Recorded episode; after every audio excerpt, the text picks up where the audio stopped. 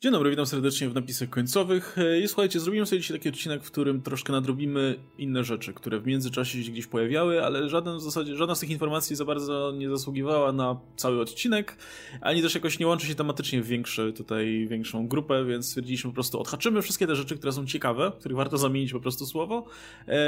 Natomiast y, no, połączymy je właśnie w taki jeden odcinek. Będziemy na bieżąco z, z, z paroma, myślę, ciekawymi informacjami. Więc y, po pierwsze, E, Matrix 4. Wspominaliśmy o tym, że powstaje kolejna część e, ze względu też na cykliczną naturę Matrixa. No ma to sens, że można jakoś tam kontynuować to, co się powiedzmy działo. E, będzie, będzie to robić tylko jedna z sióstr Wachowskich. No i jednocześnie jest szukana, czy, czy raczej w tym momencie jest obsadzana, jest ten film obsadzany, mamy, mamy całkiem, całkiem sporo rozmaitych wieści castingowych. W tym jeden, który, mnie, który chyba zaskakuje najbardziej, mianowicie Neil Patrick. Neil Patrick Harris właśnie podpisał kontrakt i pojawi się właśnie w najnowszej odsłonie. No nie będzie to główna rola, ale ponoć ma być ale istotna. Ale to major role. No właśnie. Już, ma być istotna i jest to no niewątpliwie y, aktor, który no, grywał już wielokrotnie role dramatyczne i, i wielokrotnie pokazywał się z dobrej strony. E, wciąż no, kojarzony z musicalami, kojarzony z komediami, z pewnym popularnym sitcomem między innymi, e, ale wydaje mi się, że jego tutaj e, talent wykracza daleko poza, poza to. I wydaje mi się, że to jest kurczę ciekawy, ciekawy wybór który na pierwszy rzut oka pasuje bardzo na kogoś w stylu agenta Smitha, czy kogoś w tym guście, żeby go ubrać w garnitur i, i kazać mu być sztywnym, ale nie wiem, czy to nie jest właśnie za proste myślenie i czy, czy to nie będzie jakaś rola, która nas tutaj może zaskoczyć. Ja już mówiłem o tym, że jestem bardzo sceptycznie nastawiony do nowego Matrixa, głównie dlatego, że jeżeli powstaje nowy Matrix, to chciałbym jednak mieć bardzo świeże spojrzenie. Co prawda rozmawialiśmy, że skoro robi tylko jedna sióstr, to kto wie, czy to, to nie będzie nowe spojrzenie że tak powiem, może ta lepsza, ale no jestem sceptycznie nastawiony mimo wszystko. Gdybym dowiedział się, że robi to ktoś zupełnie nowy, z zupełnie nowym spojrzeniem, pewnie bym był bardziej optymistyczny. Y, to jednak mówiąc, jeżeli mimo wszystko będzie to film zapamiętany, jeżeli mimo wszystko będzie to uznana za najlepsza część pojedynce, co nie jest aż tak trudne, ale z drugiej strony, umówmy się, jest jasne, jest masa fanów dwójki i trójki, ale ogólnie, jeżeli zapytasz pierwszą lepszą osobę na ulicy, czy oglądała wszystkie Matrixy, jeżeli odpowie tak, myślę, że jest większe prawdopodobieństwo, że powie ci, że jedynka to klasyk, a reszta niekoniecznie. Więc jeżeli kolejna część byłaby, chociaż podchodziłaby pod jedynkę, to taka rola mogłaby fajnie takiego aktora jak Neil Patrick Harris, o ile nie byłaby, nie wiem, komediowa czy coś w tym rodzaju, tylko bardziej zniuansowana, mogłaby fajnie yy, czy wystrzelić to akurat złe słowo, bo to jest dosyć popularny aktor cały czas, ale na pewno pokazać go z innej strony i kto wie, czy nie otworzyć mu innych drzwi w Hollywood. Bo jednak to jest film, o którym będzie się mówiło. Tylko pytanie, jak się będzie mówiło. Bo jeżeli to będzie film, o którym będzie się mówiło jako Matrixie Trójce, gdzie też te role były napisane tak bardzo na kolanie i umówmy się, tam jeżeli ktoś próbował wykrzesać siebie charyzmę, to robił to tylko dlatego, że po prostu dawali mu się pobawić. Cały czas widzę Hugo Weavinga, który po prostu wyciągał twarze na wszystkie strony i robił te swoje komiczne uśmiechy po prostu, które były tak przerysowane. Ale to jest jedna rzecz, którą pamiętam w tym momencie, bo nawet Lawrence Fishburne, jak świetnym aktorem by nie był, no miał te wszystkie tak oklepane dialogi, że ciężko wspominać o tym, no mówię o kolejnych częściach. Więc jakby tu to jest klucz, jak ten film będzie przyjęty. Nie da się ukryć, że ta obsada Matrixa 4 w tym momencie wydaje się naprawdę bardzo interesująca. Nie? No, poza tym, że wracają starzy znajomi. Ostatnio dostaliśmy informację, że Jada Pinkett Smith ma też się pojawić w tym filmie. Dołączy do Keanu Reevesa, do Carrie Ann Moss. E, poza tym obsadzono już Jaje Abdullah Matina II, który też w ogóle nagle jest na, na naprawdę potężnej fali wznoszącej. Po Ostatnio...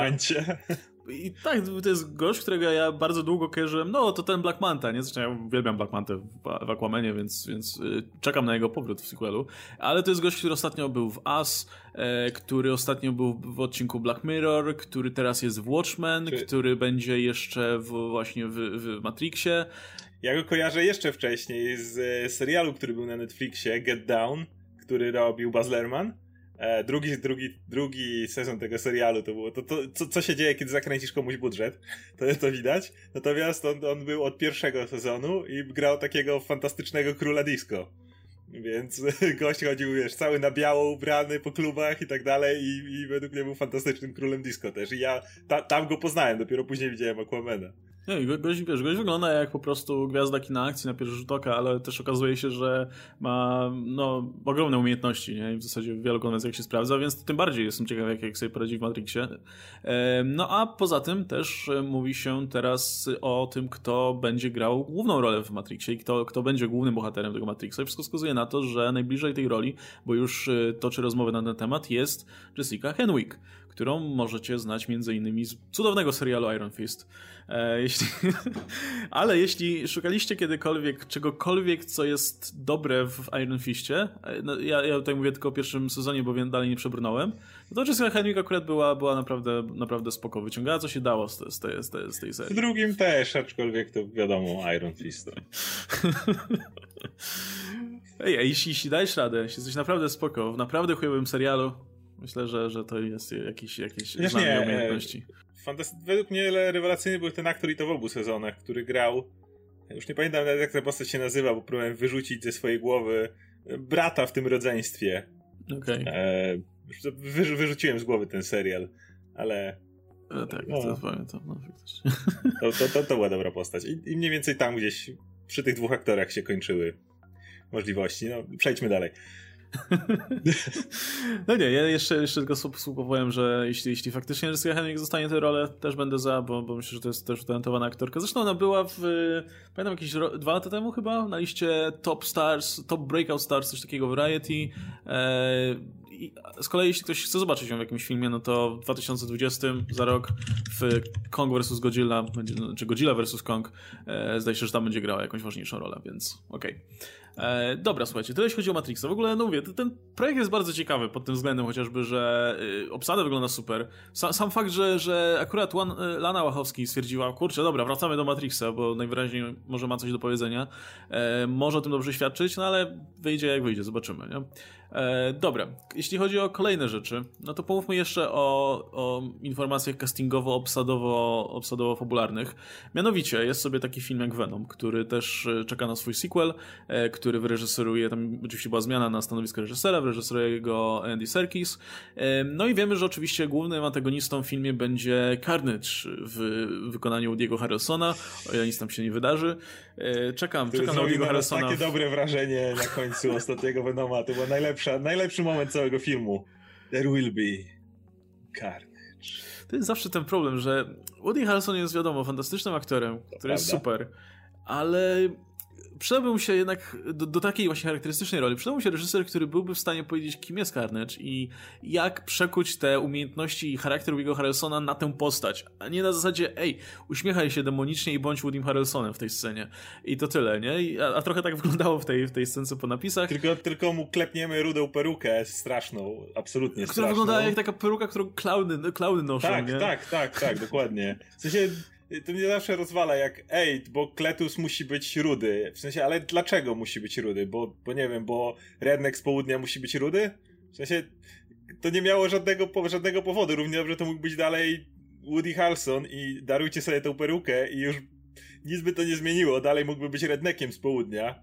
E, ale, ale nie, stwierdzili, nie wiemy co Carnage'u, ale jest rudy. Więc no, tego się obawiałem. No ale zmiana reżysera. No. E, natomiast dostaliśmy jeszcze informację całkiem niedawno o tym, że w filmie poza, poza Carnage'em pojawi się Shriek. E, Oskar, jako, jako ekspert, wytłumacz nam, kim jest Shriek i czemu mamy się cieszyć, albo czemu mamy mieć to gdzieś. Shriek jest y, od właściwie drugiego największego pojawienia się Carnage'a, tak naprawdę pierwszego największego, czyli Maximum Carnage tej historii, która również była w Polsce znana jest y, powiedzmy ukochaną Carnage'a w jakiś sposób. Jest to postać, którą Carnage spotyka, kiedy ucieka z Ravenloft, z tego skrzydła dla psychopatów morderców właśnie i po drodze uwalnia Shriek, która również była tam przetrzymywana. Jest to dziewczyna, która e, była generalnie, żyła długi czas na ulicy, narkotyki i te sprawy i w pewnym momencie również przy spotkaniu, to tam akurat powiązane z Dark Force, nieważne, e, obudziły jej się moce soniczne. Co jest o tyle interesujące, że ponieważ potrafi miotać potężnymi falami dźwięku, jest jednocześnie największym zagrożeniem zarówno dla Carnage'a, jak i dla Venoma oczywiście, bo wiemy, że symbionty bardzo nie lubią dźwięku bardzo głośnego, więc Shriek jest tutaj świetną bronią, ale ponieważ jest ukochaną Carnage'a, no natomiast Venom ma przesrane. w całej tej sprawie, więc e, nawet jeśli wyrównalibyśmy w jakiś sposób w filmie szanse między Venomem i Carnage'em, chociaż generalnie wiadomo, są komiksy, więc tam oni upgrade'y swoich mocy dostawali w co drugim zeszycie, ale zwykle kanonicznie Carnage był tym potężniejszym, ale nawet jeżeli w jakiś sposób to wyrównać, to właśnie dodanie Shriek będzie tym, myślę, dużym problemem dla Venoma, który musi obejść, no bo nie dość, że jest ten psychopata morderca, który chodzi i zabija ludzi na lewo i prawo, to jeszcze jego dziewczyna posługuje się tą właśnie mocą, która jest w stanie Venoma unieszkodliwić w 5 sekund. Mhm. E, no i wiadomo, łączy ją pewna relacja z Kletusem, nie? która myślę, że przeniesie się tutaj na, na, na film. Ja... Razem lubią mordować, a potem się całować. I... U, uwielbiam te, te, tego typu motywy w, kul, w kulturze, w popkulturze, więc y, mam nadzieję właśnie, że... Wydaje mi się, że też doda trochę, wiesz, że, przez to i sam Kletus, Carnage będzie bardziej interesujący, no bo wiesz, masz mordercę, psychopatę, na którym się tapie, to się może robić trochę nudne. W momencie, kiedy masz mordercę, psychopatę, który jest w tym dziwnym, crazy związku e, z inną e, psychopatką, no to, to, to, się, to się robi ciekawie. Co jest ważne, to nie jest w żadnym wypadku odbicie Joker i Harley Quinn. Bo wyobraźcie sobie, że to jest Joker i Harley Quinn, tylko że Harley Quinn może robić tak i Joker po prostu pada na kolana w tym momencie. Więc y, tak, były momenty, kiedy on się wkurzał i się rzucał na szlik, jak to psychopaci mordercy między sobą y, i, i, i robił jej tam jakąś krzywdę, ale jakby Shriek nie pozostawała mu dłużna w tym momencie, bo ej, miała do tego sposobność. Więc to jest też zupełnie inny poziom e, całego, całej relacji. No też trzeba pamiętać o tym, że Shriek była już w tym zakładzie zamknięta, w tym maximum security, za wielkimi żelaznymi drzwiami, kiedy Carnage ją stamtąd wyrwał, a nie jest gościem, który przyczynił się do tego, że coś się w niej zmieniło, więc to jest absolutnie inna relacja. To są dwa świry w pełni po prostu zanurzone w te szaleństwo. Mm, tam było nawet więcej, może nawet z tego skorzystają, bo jedną z ciekawszych umiejętności Shriek to poza tym, że nawala z rąk sonicznymi mocami, było właśnie niejako szerzenie swojego szaleństwa. Ona miała moc, dzięki którym yy, na, na, częstotliwościach powiedzmy dźwięku wysyłała swoje szaleństwo dalej i powodowała, że w całym mieście ludzie zaczynali zachowywać się powiedzmy, że przechodzili na skrajność, jeśli chodzi o ich instynkty. I to byłoby nawet dużo fajniejsze do pokazania, jak masz Carnage'a, który tak jest sobie tym psychopatą, ale widzieliśmy już dwa gluty, które się napierdzielają w jedynce jakby. Natomiast zobaczyć jakby tą mroczną stronę y, ludzi, która, która się w nich budzi pod wpływem Shriek i Carnage'a, i w Maximum Carnage to było właśnie poruszone, kiedy Shriek przechodziła przez miasto. No nie tam, że tam mordowali ludzi po drodze, ale też powodowali, że ludzie, którzy zostali z tyłu, natychmiast stwierdzali, że o kurde, tutaj to świat się wali, dobra, to kradniemy, no bo co, co, co mamy robić, nie? No to rozbijali szyby, wynosili wszystko, no bo i tak zaraz możemy zginąć. No to w takim razie robimy to, co, na, to, co mamy ochotę wszyscy w tym momencie. Takie te bodźce moralne puszczały kompletnie przy niej i według mnie to byłaby nawet lepsza historia i masz tego Venoma, Gluta z kosmosu, który zjada mózgi i nagle on musi być tą siłą, która uspokaja ludzi i mówi, że jednak ej, ogarnijcie się, trzymaj, ludzie, zachowujcie się moralnie. No nie, to, to już nie super jak dla mnie, dla, dla kogoś, kto nie, nie był specjalnie fanem pierwszego Venoma i, i, czeka na cokolwiek ciekawego w drugim. E, motyw, gdzie, wiesz, coś, co wydawało się szalone w pierwszej części, czyli, że o, człowiek sobie gada z symbiontem w swojej własnej głowie, e, a tu masz, wiesz, miasto, które, które kompletnie, e, wiesz, wpada w w paszczy szaleństwa, jednocześnie mm. masz tych dwóch psychopatów, którzy są jak kompletnie pokręcona wersja Bonnie i Clyde. No ja jest, jestem totalnie za tym, więc, więc super. E, więc Więcej takich rzeczy, mniej jakichś anonimowych e, postaci, które będą się pojawiały tylko po to, żeby zginąć, tak jak w jedynce, nie? No i słuchajcie, mamy mały update, mianowicie już po naszym nagraniu Variety podało, że aktorką, która prowadzi rozmowy, no oczywiście odnośnie objęcia e, roli Shriek, jest Naomi Harris, którą możecie znać między innymi z roli e, Money Penny w trzech ostatnich filmach z Jamesem Bondem, zdaje się. Pojawiła się w Rampage, miała świetną rolę w Moonlight, no także jest to aktorka już już całkiem, z całkiem niezłym dorobkiem, e, która myślę, że na pewno dodałaby atrakcyjności obsadzie nadchodzącego filmu. Jeszcze jedna rzecz, której nie podaliśmy, mianowicie Venom 2 nie ma jeszcze zaplanowanej daty, e, nie została jeszcze ogłoszona oficjalna data premiery, natomiast e, spekuluje się, że Sony ma slot dla filmu Marvela w właśnie w październiku 2020 roku. No i wiele wskazuje na to, że to miejsce zapewni, zapełni właśnie Venom 2. Zostańmy jeszcze sekundę przy Venomie, bo warto powiedzieć o wypowiedzi Rubena Fleischera jeszcze na temat Spidermana i Venoma. Okej, okay, wspominaliśmy o tym przy okazji jednego z poprzednich materiałów, ale okej, okay, możemy, możemy o tym powtórzyć. Tak. Ruben Fleischer, który teraz zresztą, jego Zombieland 2 jest całkiem nieźle przyjmowany, póki co recenzje wpadają, są w większości pozytywne. Między innymi oficjalnie dlatego Zombielandu 2 zrezygnował z reżyserowania drugiego, drugiego Venoma. E, no, pytany przy okazji Zombielandu także o, o, o Spidermana, także o, o te projekty, które, które, nad którymi jeszcze pracował w, we współpracy z Sony, no odparł, że yy, prędzej czy później będzie musiał dojść do spotkania Spidermana i, i, i, Venoma, że w momencie, w którym y, on jeszcze pracował nad tym filmem, były właśnie, tego, były właśnie rozmowy na ten temat. E, I to nie oznacza w tym momencie, że dalej ta, to, to, co, to, to, mówi Fleischer, jakby obowiązuje, no bo troszkę już minęło od czasu, kiedy on odszedł z, z, ze współpracy z Sony, ale to nam ładnie mówi o tym, że Sony już prawdopodobnie znacznie wcześniej miało plany na to, żeby prędzej czy później wziąć Spidermana i doprowadzić do jego spotkania z Venomem. Mając jedną markę dużą, która no, działa jak Spider-Man i okazuje się, że mając też drugą markę w postaci Venoma, no szkoda mimo wszystko nie kapitalizować na, na, na obu naraz, nie? Tak, i dlatego właśnie spekulujemy, że ten ostatni film Spidermana może być fajnym wyjściem. To właśnie poruszaliśmy ten temat wcześniej o tym, że jak wyglądały kontrakty i dlaczego się zgodziliśmy, ale jakby nie skupialiśmy się na tym elemencie spotkania z Venomem. I, i dlatego ten ostatni film, no półtora filmu, bo jeszcze wiemy, że jakieś tam inne pojawienie się ma, może być jakimś takim sposobem na zakończenie faktycznie kariery Spidermana w MCU taki sposób, że albo później możemy dalej go trzymać w MCU i ostatni film na tyle ładnie to zamknie, że nie trzeba się nigdy do tego odnosić, albo Multiverse of Madness czy cokolwiek. E, w każdym razie jakoś z tego wyjdą i widać, że, że w tą stronę będą szli, więc zakładamy obaj, że e, po Spider-Manie trzecim i po drugim Venomie następny film z którymkolwiek z tych panów to będzie jakiegoś rodzaju crossover. No właśnie, te, ta, ta umowa na dwa filmy w tym momencie wydaje się dużo bardziej oczywista, nie? W momencie, kiedy wiemy, że Sony już ma jakieś plany, już, już najprawdopodobniej e, czyniło, może teraz, no, może teraz nie czyni, ale na pewno czyniło jakieś ruchy właśnie, żeby, żeby do takiego filmu doprowadzić. E, no dobra, to powinniśmy o Venomie przejdźmy do tematu Deadpoola, tym razem innej edgy postaci, e, która jednak tym razem oficjalnie już należy do, do, do Disneya, natomiast ciągle nie wiadomo co dalej z, z Deadpoolem. Czy będzie częścią MCU, czy będzie częścią dalej jakiegoś swojego uniwersum, czy będzie trochę tego, trochę tego, być może jakoś będzie, będzie zawieszony między tymi dwoma światami, e, nie wiadomo, natomiast no, cały czas jakoś tam trwają prace nad y, koncepcją kolejnego filmu. E, też nie wiem, czy to będzie trzecia część, czy to będzie jakiś reboot, nie ma, nie, nie, nie, nikt jeszcze żadnej oficjalnej odpowiedzi na ten temat nie udzielił. Natomiast y, y, Entertainment Weekly zapytało reżyserów, nie reżyserów, scenarzystów Deadpoola 1 i Deadpoola 2, Reta Risa i Paula Wernicka, e, no co dalej z tym Deadpoolem w związku z przejęciem Foxa przez Disneya.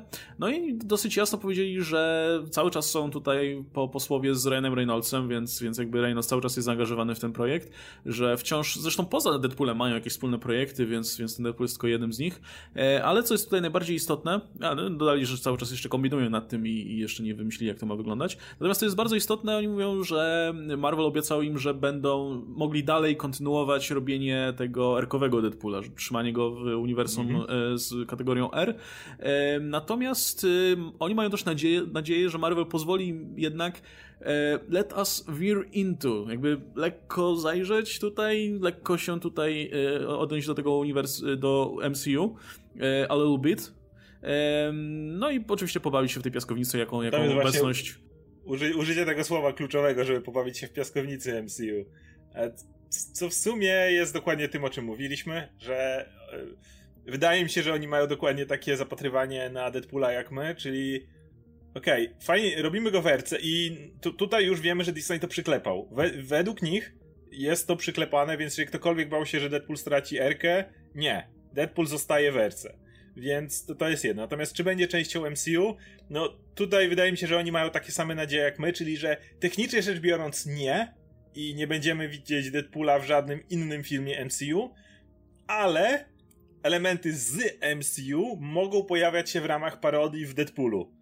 Więc jeśli będziesz chciał nagle nawet ściągnąć Chrisa Evansa, który stwierdzi, umówmy się, aktorzy z przyjemnością zagraliby w Deadpoolu, żeby zrobić, powydurniać powydurniać się i porobić samych z siebie ze swoich ról kretynów. Aktorzy kochają robić parodię swoich własnych ról. Więc powiedzmy masz Chrisa Evansa albo kogoś, kto jeszcze jakby gra dalej i okej, okay, bierzemy go do Deadpoola po to, żeby zrobić jakąś zabawną scenkę, w której Deadpool spotkał Kapitana Amerykę ale jakby to wszystko trzyma się tylko w ryzach tutaj w Deadpoolu. Nigdy nie jest, nie idziemy z tym dalej i Deadpool nawet może żartować z tego, że jakby, że to działa w jedną stronę, że tylko tutaj wszystko trafia. Więc to pokrywa się z naszymi wszelkimi spekulacjami, o jakich mówiliśmy przy Deadpoolu, gdzie to w Deadpoolu może widzieć, jak Deadpool brał udział w bitwie o Nowy Jork, czy cokolwiek in, czymkolwiek innym, ale jakby w, na dłuższym MCU to nie przejdzie. I uważam, że to, byłby, to byłaby świetna formuła, która jednocześnie zapewniłaby im bardzo wiele filmów. Dlatego, że póki MCU się rozwija, póty Deadpool mógłby cały czas mieć masę narzędzi, których mógłby używać. Oczywiście to dalej musiał być swój film, bo jeżeli to trzymałoby tylko na parodii MCU, no to znudziłoby się szybko, ale mimo wszystko dałoby bardzo dużo narzędzi Deadpoolowi, żeby się tym pobawić i, i rozpisywać kolejne projekty. No, nie da się ukryć, że jednak Marvel Studios ma całą masę filmów PG-13 i będzie im na rękę, żeby mieć film z Erką, który jednak trafi do ciut innej publiki, nie? Będzie mógł zarobić na, na ludziach, którzy być może nie, nie, nie pozwalają MCU zarobić tyle, ile, ile by mogło. Mhm. Natomiast yy, to brzmi na tyle, o tyle dobrze, że to wygląda jakby w zasadzie od autorów tego filmu, od Ryana Reynoldsa, od, od właśnie pary scenarzystów, zależało jaki ten film będzie i to jest super, nie? Jakby nie, nie, wygląda na to, że nikt nie narzuca z góry, że musi być taki i taki, musi być taki i taki. Jasne, może jak, jak zaproponują, że kurczę, chcemy jednak tego Deadpoola mieć w MCU, bo chcemy mieć crossover z jakimś takim bohaterem, być może ktoś im powie, że nie no słuchajcie, może lepiej będzie jednak mieć go dalej werce, ale nie wygląda na to jakby, wiesz, wydaje mi się, że już kategorycznie powiedzieli, że będzie tak albo tak, gdyby, gdyby faktycznie takie przekazanie istniało. Co dalej pokazuje, jak fantastycznym szefem dywizji filmowej jest Alan Horn. I okej, okay, miał jedną wpadkę przez lata, o której wszyscy pamiętamy, wpadka, która nazywa się James Gunn i jak rozwiązał tą sytuację. Natomiast nie licząc tego, no gość podejmował fantastyczne decyzje i to dalej trzyma się tych, wydawałoby się, najbardziej sprawdzonej metody Disneya, chociaż to nie jest ich metoda, czyli jak coś, kupujemy coś, co działa, to po co zmieniać? Kupiliśmy Marvela, który świetnie szedł, wiesz, wrzucamy w to taczki pieniędzy, ale dalej idą, to działa. Kupujemy Pixara, dalej działa fantastycznie, nie wtryniamy się w to. Deadpool, na razie dwa wielkie hity, ludzie kochają tą postać, kochają Ryana Reynoldsa, lepiej dajmy im wolną rękę, zatwierdźmy R, zresztą to wszystko wraca do tego. E, to nie było D23, to było to wcześniejsze. E, nie, nie, nie, nie chodzi o Comic Con. To zebranie Disneya. Czy to była kwestia, e, czy to było inwestorów, czy po prostu dla prasy, gdzie był, po raz pierwszy pojawił się ten. Oni sami użyli tego obrazka, który wrzucił Ryan Reynolds u siebie, czyli Deadpool z uszami, myszki Miki i autobusem tam Disney. I sama tak, tak, właśnie o to chodzi. I sam Alan Horn zresztą wyszedł na scenę i na tle tego mówił, że Deadpoola dalej będą mieli i dalej. Chyba on mówił coś o Erce, ale, ale jeśli nie, no to teraz jest, mamy, mamy to bardziej przyklepane. Więc widać, że, że no wiedzą, że jak zabiorą Deadpoolowi Erkę, to dalej obaj zgadzamy się, że Deadpool będzie działał, ale kto wie, czy nie wytną mimo wszystko, nie odstraszą części publiki, która, która mogłaby być tym zainteresowana. Jasne, mogliby ściągnąć nową, ale tak jak mówisz, oni tą publikę już mają w innych filmach. Nawet jeśli w wielu kwestiach ta Erka w Deadpoolu jest troszkę fasadowa, na zasadzie no jak y, dasz troszkę mniej krwi, to film na tym specjalnie tak. nie ucierpi swojej esencji, ale jednak to, że masz tą krew jest jakimś znakiem rozpoznawczym tego filmu i właśnie mm. ta, ta przerysowane, to przerysowane bycie edgy jest jednak już, już elementem tego filmowego Deadpoola. Szkoda by było tego tracić, nie? I, I, tak jak pamiętam, że rozmawialiśmy o tym i znaleźliśmy y, argumenty za tym, żeby Deadpool miał Erkę i też argumenty za tym, żeby nie miał Erki, żeby był PG-13. E, w obu przypadkach dużo się zyskuje, trochę się traci. E, ale w momencie, kiedy decydują o tym twórcy, którzy mają robić kolejny film, wydaje mi się, że to jest najle najlepsza sytuacja. Nie? Natomiast no, ja jestem przekonany, że raczej zostanie przy tej erce, no bo no, nie, nie, nie będą chcieli tracić charakteru mimo wszystko tej postaci, w tym wydaniu przynajmniej. Jeśli ten Deadpool się kiedyś znudzi i pójdzie do piachu na 10 lat, to być może wróci potem w wersji PG-13, żeby skorzystać z, z, tych zalet, które daje możliwość nie. robienia filmów PG-13, ale jeszcze nie, jeszcze nie teraz, nie? E, zresztą, no, w, i, i wydaje mi się, że ta forma, w której Deadpool będzie jakby w tutaj w swoim własnym świecie, ale jednocześnie będzie mieć świadomość, że to jest MCU i będą jakieś elementy z MCU, to jest, będzie tak, mógł korzystać to jest taki dobry kompromis mimo wszystko. Z tych narzędzi MCU to, to wydaje mi się, że jednocześnie nikt nie będzie oczekiwał, że Deadpool pojawi się w jakimś filmie. Jasne, może być easter eggiem. Wyobraź sobie, że mamy kolejny endgame i wielka bitwa, no to umieszczą tam Deadpoola. Wiesz, że gdzieś w pewnej scenie, jak zobaczyłeś Kaczora Howarda, to widziałbyś gdzieś z tyłu Deadpoola, który macha wtedy mieczami w tej bitwie. I potem, i potem nawet w jego filmie mógłby, wiesz, takie Być, że ej, byłem tam, patrzcie, i wiesz, tak ten i zoom, zoom, zoom, zoom, zoom i gdzieś tam w tle widzisz Deadpoola, że jak oglądałeś za pierwszy raz, to nie widziałeś, ale jak potem wrócisz do tego filmu, to ej, faktycznie był. Więc tego typu rzeczy oczywiście, że mogą się pojawiać, ale, ale, ale jakby sa, sama możliwość Deadpoola, który w swoich filmach będzie mógł się tym bawić, mnie osobiście dużo bardziej optymistycznie zachęca do kolejnego filmu, bo uważam, że drugi Deadpool już był wyraźnie pokazywał, że tym, z tym, co mieli, już powoli się wypalali, że kombinowali jak mogli, ale miałem wrażenie, że tam już im trochę brakuje pary, żeby, żeby to dalej ciągnąć. Mm. E, no, no, był ten jeden fajny żart z X-Men wreszcie z całą grupą w, jeden. pokoju obok, e, ale, ale po tym żarcie już naprawdę nie ma nic. E, no, znaczy, wie, wiemy jak bardzo Disneyowi zależy na tym, żeby jednak oddzielać ten kontent dla całej rodziny i ten kontent dla ciut starszych odbiorców. Natomiast wydaje mi się, że w tym momencie, nawet jeśli Deadpool będzie technicznie w MCU, ale będzie, wiesz, miał swoją własną promocję, która będzie się opierała na trochę czym innym, inaczej będą wyglądały do niego trailery, to nie będzie absolutnie żadnego problemu. Nawet jeśli technicznie będzie to ten sam świat, nie? To jest zupełnie co innego niż gdybyś miał Deadpoola w Avengers, a potem jego jakiś solowy film. Eee, Zresztą, no, te, te, wie, wiem, że te oba te, y, obie, oba te światy, ten jeden taki familijny i ten no, dla starszych odbiorców, jakby one są oddzielnie, ale to nie jest tak, że musi je dzielić gigantyczny mur, nie? No bo mimo Oczywiście. wszystko y, wiemy, że na przykład na Disney Plus są same rzeczy praktycznie dla całej rodziny, i, Simpso i Simpsoni, Simpsonowie, którzy, no Simpsonowie, Simpsoni. Simpsonowie, którzy no, są mimo wszystko serialem dla dorosłych. No wiadomo, że nie tak edgy jak, nie wiem, Family Guy, czy coś w tym guście, czy, czy Rick and Morty, czy coś takiego, ale wciąż, nie? I, i mimo wszystko ktoś uznał, że okej, okay, no to jest wystarczająco e, niegroźne, że, żeby mogą być na Disney+. Plus. E, no, więc wydaje mi się, że, że może być podobnie z Deadpoolem. Plus li, li, ważna będzie też promocja, jakby jeśli damy do zrozumienia w trailerach, że Deadpool odwiedza elementy MCU, ale nie pokażemy żadnych aktorów, a potem filmy zaskoczymy tymi aktorami, to jakby też będzie mniejsze ryzyko, że ktoś uzna, że to musi się przecinać, że to musi być jakby te same uniwersum. Więc już bardzo, bardzo ważna jest promocja, no i oczywiście branding, yy, jakiś oddzie inna, inne oznaczenia, inne logo może. Wiadomo, że trzeba będzie tym się pobawić, bo tam w Disneyu jednak będą bardzo, bardzo dbali o to, żeby nikt przypadkiem dzieciaka swojego na Deadpoola nie zabrał. Ale to już chyba Iger mówił jeszcze nawet o tym, że jeżeli zrobią sensowny podział, to on nie widzi problemu z erkami. Tak, no zresztą kurczę, Deadpool jest na tyle specyficzną marką, że ze wszystkiego można zrobić żart. Spokojnie może zrobić trailer, gdzie najpierw Deadpool mówi, że hej, nie bierzcie na to dzieci, absolutnie pod żadnym pozorem. Hmm. E, no, a później, e, potem można wypuścić wersję PG-13, tak jak było z dwójką. Więc, e, no dobra, słuchajcie, ostatnia, ostatnia rzecz, jeśli chodzi o te doniesienia takie około filmowo-serialowe, mianowicie Star Wars. To zostawiliśmy sobie na koniec, bo to jest dosyć ciekawa, ciekawa informacja. E, mianowicie Steven Weintraub poda, podaje, że mm, e, znaczy nie, inaczej, jakiś czas temu dostaliśmy informację o tym, że to jest napisane, że co-writer, tak, współscenarzysta Rogue One, no nie, strażak, który został wezwany na, na ratunek, żeby przepisać film. To Ten gość, który całą, całą końcówkę zrobił, zrobił, więc jak zastanawiacie się, gdzie zniknęły niektóre sceny, które widzieliście w pierwszym trailerze z końcówki, no to ten gość y, to przerobił, ale prawdopodobnie na lepsze. Jak... Tony Gillior chciał zabić wszystkich po prostu i, tak. i, i zabił. E, sorry za spoiler. E, w każdym razie, do, jakiś czas temu dostaliśmy informację, e, którą podawały, podawały serwisy, że Tony Gilroy został też zaangażowany do tego, żeby napisać e, właśnie e, pilot, zdaje się, tak, do e, tej, tego zapowiadanego od jakiegoś czasu serialu o Kasjanie Andorze, e, który byłby prequelem, powiedzmy, dla wydarzeń z, z Rogue One. No, siłą rzeczy musiałby być prequelem.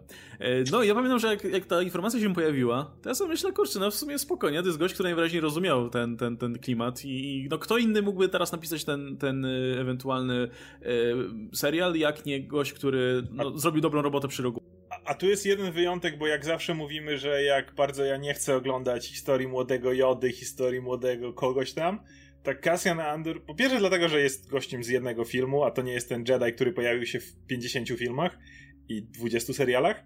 E, to jest gość, który był tylko tutaj jakby, ale jakby to, co on przedstawił, to był pewien zakątek rebelii, którego nigdy nie widzieliśmy. I jak mówię nigdy, to nigdy nie mówię o książkach, komiksach i innych rzeczach, bo wiem, że na pewno było o tym 10 książek i 5 komiksów, ale mówimy o filmach i generalnie serialach. Nie było tego elementu rebelii, która działa w dużo bardziej stylu celu święca środki. Zawsze jednak e, mieliśmy rebelię w e, albo starej trylogii, uhu, lecimy pokonać swoje imperium, jej!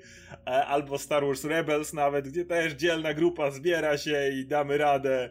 Tam może zdarzyć się jakoś ten jeden zdrajca, jasne, może się zdarzyć ten, ten gość, który tutaj trzeba go pozbyć się, bo zdradził nas, czy coś takiego. Ale nigdy nie było pokazane to jako coś, co jest, że tak powiem, uświęcone od góry. A tutaj widzimy właśnie w, na początku Rogue One tego Cassiana Andora, gościa, który musi upewniać się w bardzo czasami drastyczny sposób, żeby może Imperium nie dostało pewnych informacji. I jakby nie tyle interesuje mnie sam Cassian, co tego typu rebelia, która w ten sposób mogła być pokazana. Ta, I to jest dlatego ten jeden wyjątek, w którym tak chętnie zobaczę wcześniejsze losy danego bohatera. No kurczę, no to umówmy się, no, to, to nie była jakoś maksymalnie, wiesz, nie dowiedziałeś się wszystkiego o tym bohaterze w, no, Rogue One, nie? Na dobrą sprawę niewiele brakuje, żebyś po prostu, żebyś mógł go traktować jako, jako I według raportów byłby tam dalej Alan Tudyk. No tak, tak. E, no i teraz, e, co jest interesujące, to to, że Steven Weintraub, który jest szefem Collidera, e, napisał na Twitterze, że w odniesieniu do tego, do tego, do tej informacji, że no już, że słyszał inną rzecz wcześniej, mianowicie, że serial Cassianie Andorze po prostu został w którymś momencie anulowany. I, I dosłownie pisze o tym, że wszystkim ludziom, którzy pracowali przy tym serialu, po prostu podziękowano, wszyscy się rozeszli do domu. I z jakiego powodu? Ano dlatego, że najzwyczajniej w świecie scenariusze i generalnie historia stojąca za tym serialem nie były wystarczająco dobre. Więc tej kontrola jakoś najwyraźniej za, za, zadziałała. No i kiedy już Collider miał się zabierać za, za pisanie o tym, pojawiła się informacja o tym, że Tony Gilroy został zaangażowany i w tym momencie... Wziął gaśnicę swoje już. Tak, i of oficjalnie, jakby pomijając, jakbyśmy tego nie dostali, no to serial dalej powstaje, dalej się toczy. Nikt, nie, nikt oficjalnie nie powiedział, że zostaje anulowany, nikt oficjalnie nie powiedział, że zostaje przywrócony do życia, więc mhm. najwyraźniej możemy założyć, że wszystko się dalej toczy i Tony Gilroy faktycznie pracuje dalej nad tym serialem i najwyraźniej znowu musiał wracać tutaj, tak, założyć swoją, e, swój strażacki hełm i e, ratować sytuację. I najwyraźniej wyratował tak bardzo, że, że serial e, powstaje. No kto jak nie Steve Gilroy, powtarzając tutaj, parafrazując moją wcześniejszą wypowiedź mimo wszystko. Jak wiesz, nie, wszedł, dajcie mi 10 minut, poszedł do biura, wziął scenariusz, wiesz, to skreśla, skreśla, skreśla, skreśla, tutaj dopisuje, już, jest, to, robimy. Jak gości od kontroli jakości poczytali, okej, okay. Zielone światło. Ale to jest zabawne, że, że, że masz gościa, który drugi raz wchodzi do generalnie tej samej postaci i i ratuje sytuację i mówi, dobra, słuchajcie, nie, nie, wy nie, nie, wie, nie rozumiecie tego. Ja jeszcze raz wam wytłumaczę, bo za pierwszy razem nie załapaliście. Dajcie mu ten serial po prostu no oficjalnie. to jest takie dziwne, nie? W tym momencie. Powiedzcie, że to jest showrunner. Ja rozumiem, że jest ta zła stygma już przy Lucasfilm i wszystkim z tym związanym, czyli za często zmieniają reżyserów, a teraz okaże się, że showrunnerów, no ale tutaj to aż się prosi.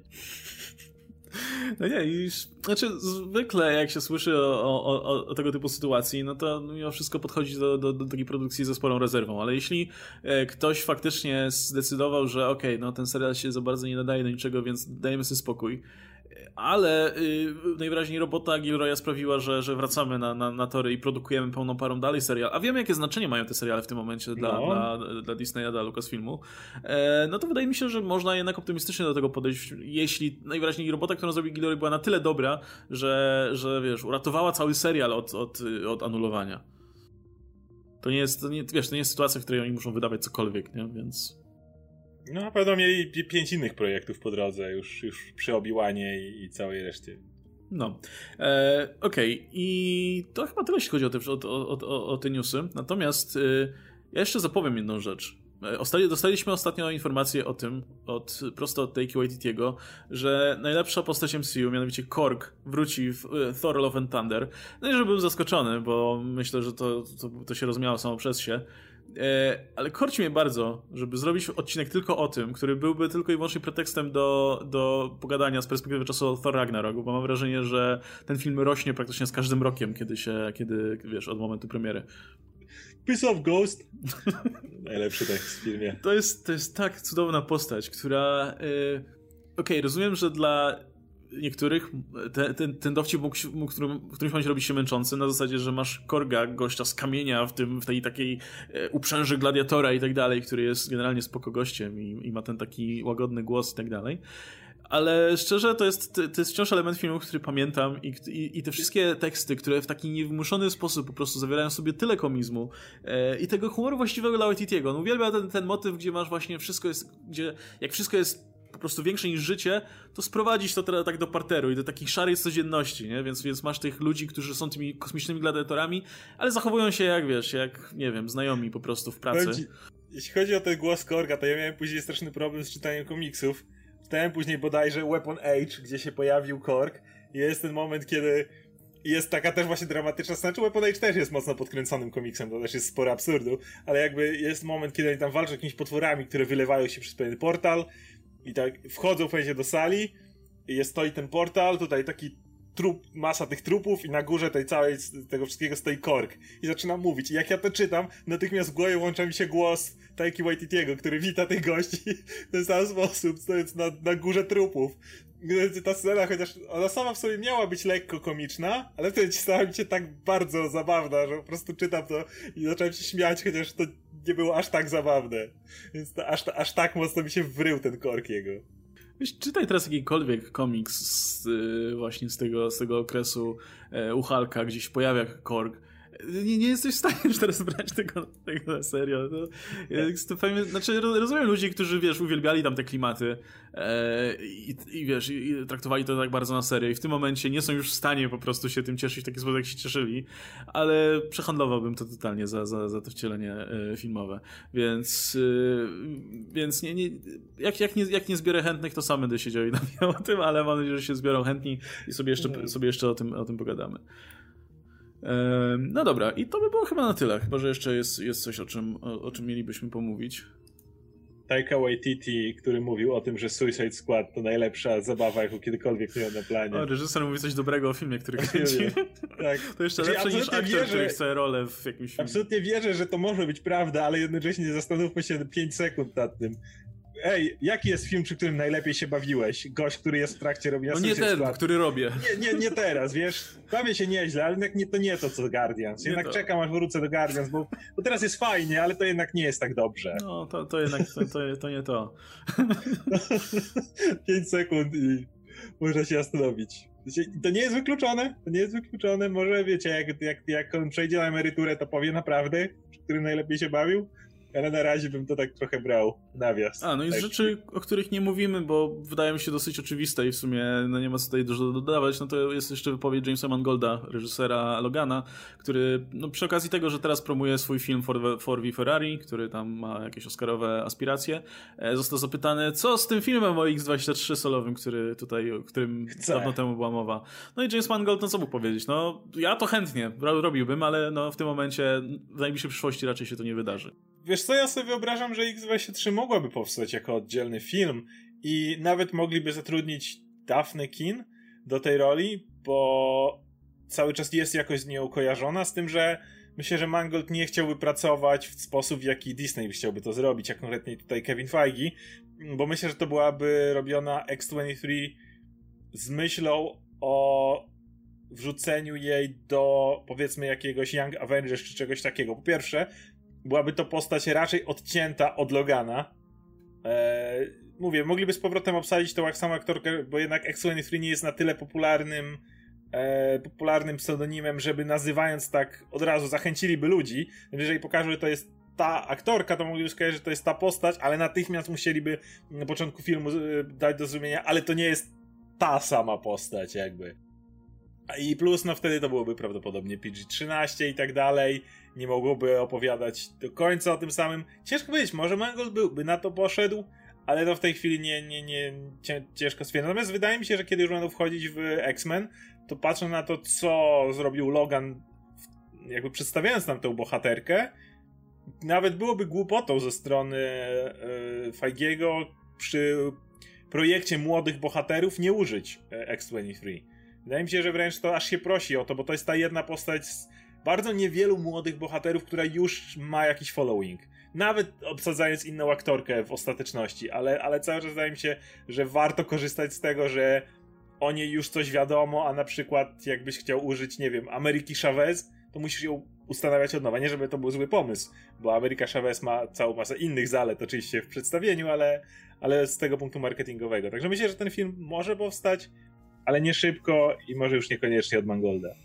No, tylko czy to nie, nie wywołałoby trochę mimo wszystko dezorientacji związanej z tą postacią, kto to jest i czemu no to inna nie ma, aktorka wtedy czemu nie niestety. ma Hugh Jackmana w ogóle, wiesz, no mimo wszystko ta bohaterka jest jednak mocno związana z tamtym, z tamtym bohaterem, który miał twarz Hugh Jackmana mimo wszystko. W momencie, Nie w którym przeczę.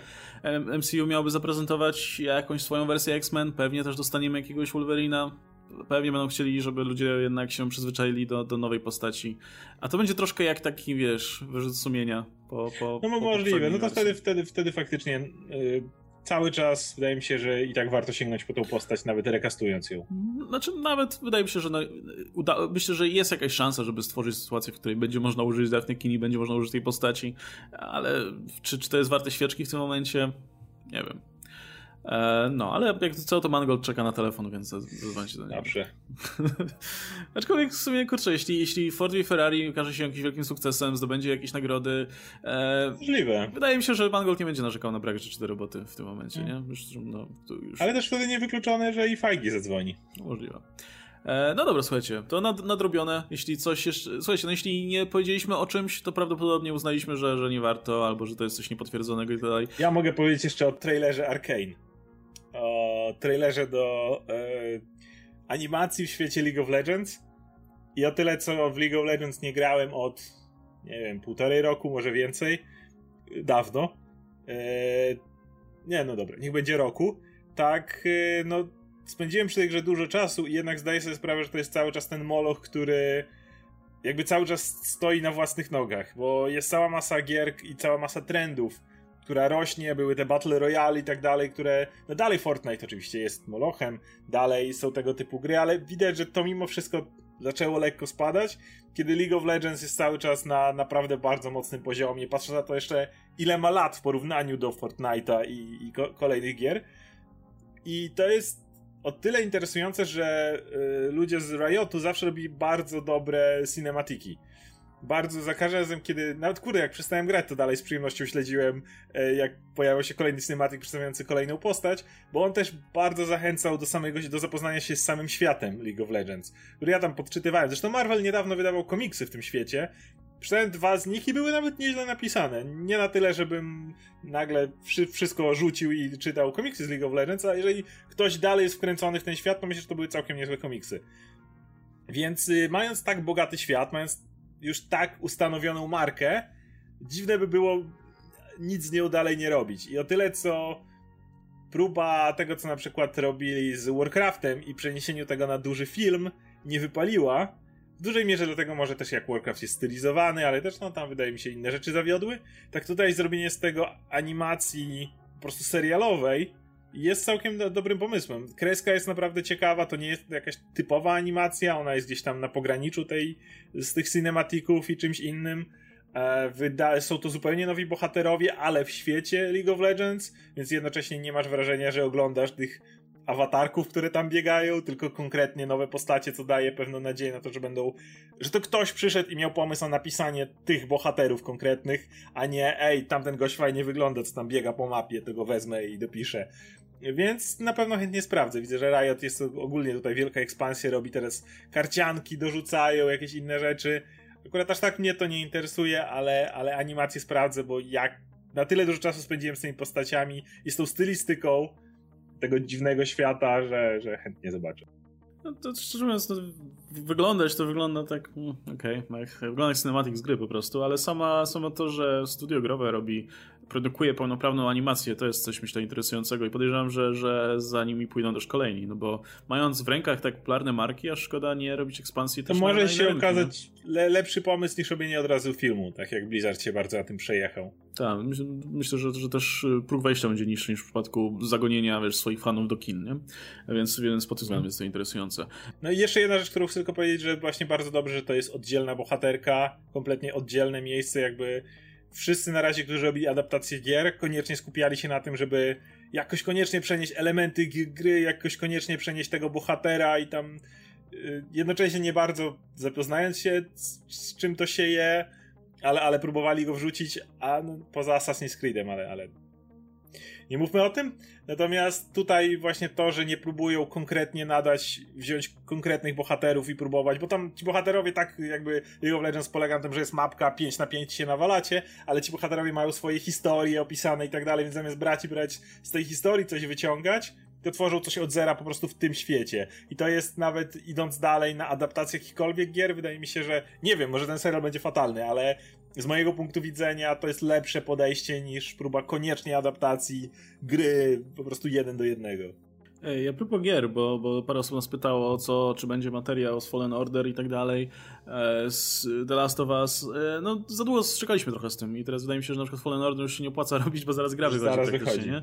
Natomiast e, na pewno jak gra wyjdzie, to będziemy o tym gadać. Pewnie będziemy coś solo robić, a jeśli nie, no to też na pewno się spotkamy i jak już przyjdziemy, przyjdziemy fabułę czy coś, to sobie o tym pogadamy tak luźno i ten, może nie wiem, może przy gameplayu zobaczymy. W każdym razie, no to jest ten tytuł, który gwarantuje najlepszy crossover między filmami a grami na naszym kanale, więc, więc na, pewno, na pewno poświęcimy trochę miejsca. Natomiast jeśli chodzi o kolejne pozycje, jak dojdzie jakiś ciekawy trailer, myślę, że poza tego, tym, tym The Last of Us, być może jeszcze wrócimy do tego tematu, nie?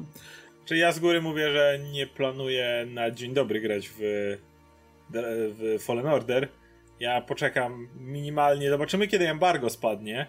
Nie mam akurat dostępu do żadnej przedpremierowej wersji tej gry, ale bardzo mnie interesują recenzje, bo to jest jednak EA. Ja tak bardzo nie ufam wszystkiemu, co wychodzi spod EA, mimo że to, co widzieliśmy do tej pory, napawało jakimś optymizmem, to jednak cały czas im bardzo, bardzo, bardzo nie ufam, więc e, jeżeli dowiem się, że ludzie w to faktycznie grają, gra nie kończy się po pięciu godzinach e, powtarzalnego w kółko nawalania dokładnie takiego samego, to pewnie sprawdzę i wtedy będę, będę chętnie o tym pogadam, ale mówię, tak jak nie wiem, Death Stranding sprawdzę, bo to, co Kojima tam wyprawia, to nie, nie wiem, tak jak e, Last of Us sprawdzę od razu, bo Naughty Dog mnie do tej pory nie zawiedli. No tak tutaj ja mam tą, tą rezerwę. Bardzo ważne będzie, kiedy embargo zajdzie, bo to jest, to jest kluczowe. Jeżeli będę czekać do ostatniego dnia, no to już jeśli chodzi o The Stranding, no to ja planuję zagrać z ciekawości, ale raczej nie planuję tego kończyć. Chcę po prostu zobaczyć, co, co, o co ja, chodzi. Ja, ja będę grał. Natomiast e, jeśli chodzi o Fallen Order, no to ja totalnie ogrywam, jak tylko wpadnie to w moje ręce. To jest, nie wiem, czy wiesz, czy to już trafiło od recenzentowi do prasy, czy, czy jeszcze nie? Nie ma, jeżeli tak, to nie ma żadnych opinii konkretnych, więc to embargo muszę, w takim razie dalej stoi. To muszę podpytać, bo akurat to... to... No nie, ja po prostu będzie... jestem... Ja, jeżeli ma to być gra, która, którą kończy się po pięciu godzinach, a i cztery z nich to jest w kółko rypanie tych samych e, szturmowców w ten sam sposób i przechodzenie tych samych krawędzi, to ja się nie chcę denerwować po prostu. No to jeśli tak będzie, to ja tam będę i będę relacjonował no, na bieżąco. E, przy Androm Mass Effectie Andromedzie mi się nie udało, odpadłem błyskawicznie, ale, ale teraz trzeba będzie to przecierpię. E, ale ponoć e, z, z kim bym nie gadał, kto miał tam e, więcej obcował z tą grą, wszyscy mówią, że jest spoko. tak, ale wszyscy, którzy obcowali z tą grą, którzy mogą coś gadać, to są ludzie, którzy dostawali bardzo wyselekcjonowane etapy. Gdzie ja już pamiętam wiele gier, chyba najpopularniejsza ta sytuacja to było Alien Colonial Marines, to był chyba najgłośniejszy tytuł tego, tego rodzaju, gdzie było demo, gdzie ludzie wyszli zachwyceni, a potem okazało się, że w pełnej wersji nawet bronie i możliwości, które były w demie nie istnieją. Wszystko było skrojone, tam był jakiś hak do wspinaczki, jakieś rzeczy, więc miałeś bardziej wertykalne podejście do zonów i tak dalej. Okazało się, że tego nie ma, bo nie zrobili. Więc, e, jak jak mówię, dalej nie ufam tym bardzo wyciętym elementom specjalnie na pokazy. Trzymam kciuki, przyjemnością pograłbym świetną grę w świecie Star Wars, naprawdę fajnie, ale, ale cały czas no, ten znaczek EA mnie mimo wszystko odstrasza.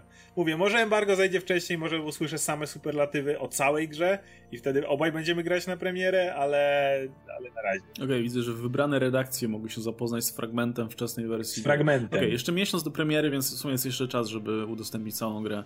Tak. A będę, będę dopytywał na pewno o, o, swoją wersję recenzencką, bo totalnie, totalnie chcę być w tym przy dniu pierwszym. Jeśli, jeśli będziemy szli na dno, to wszyscy razem zobaczymy. E, e, no dobra, słuchajcie, to będziemy się w takim razie żegnać. Mamy te tematy odhaczone. E, a, jeszcze z takich rzeczy, które zapowiedzieliśmy, a nie było, no to jest ten Parasite, tak? Którym, którym, którego odkładaliśmy, odkładaliśmy. Słuchajcie, jak pojawi się jakikolwiek rzecz, która będzie z tym Parasite'em związana, typu jakaś nagroda, jakieś coś, myślę, że wtedy usiądziemy, będziemy mieli motywację, żeby, żeby sobie pomówić. Generalnie byśmy, albo po prostu jak będziemy mieli, nie wiem, mm, potrzebowali jakiegoś tematu do dyskusji, no to ten Parasite jest pierwszy w kolejce. Dzisiaj byśmy to zrobili, ale wolimy powiedzmy więcej niż tylko dwie osoby, żeby sobie o nim pogadać. E, szczególnie, że i Radek i... Znaczy, chyba Radek był chętny, więc najwyżej poczekamy sobie jeszcze na niego.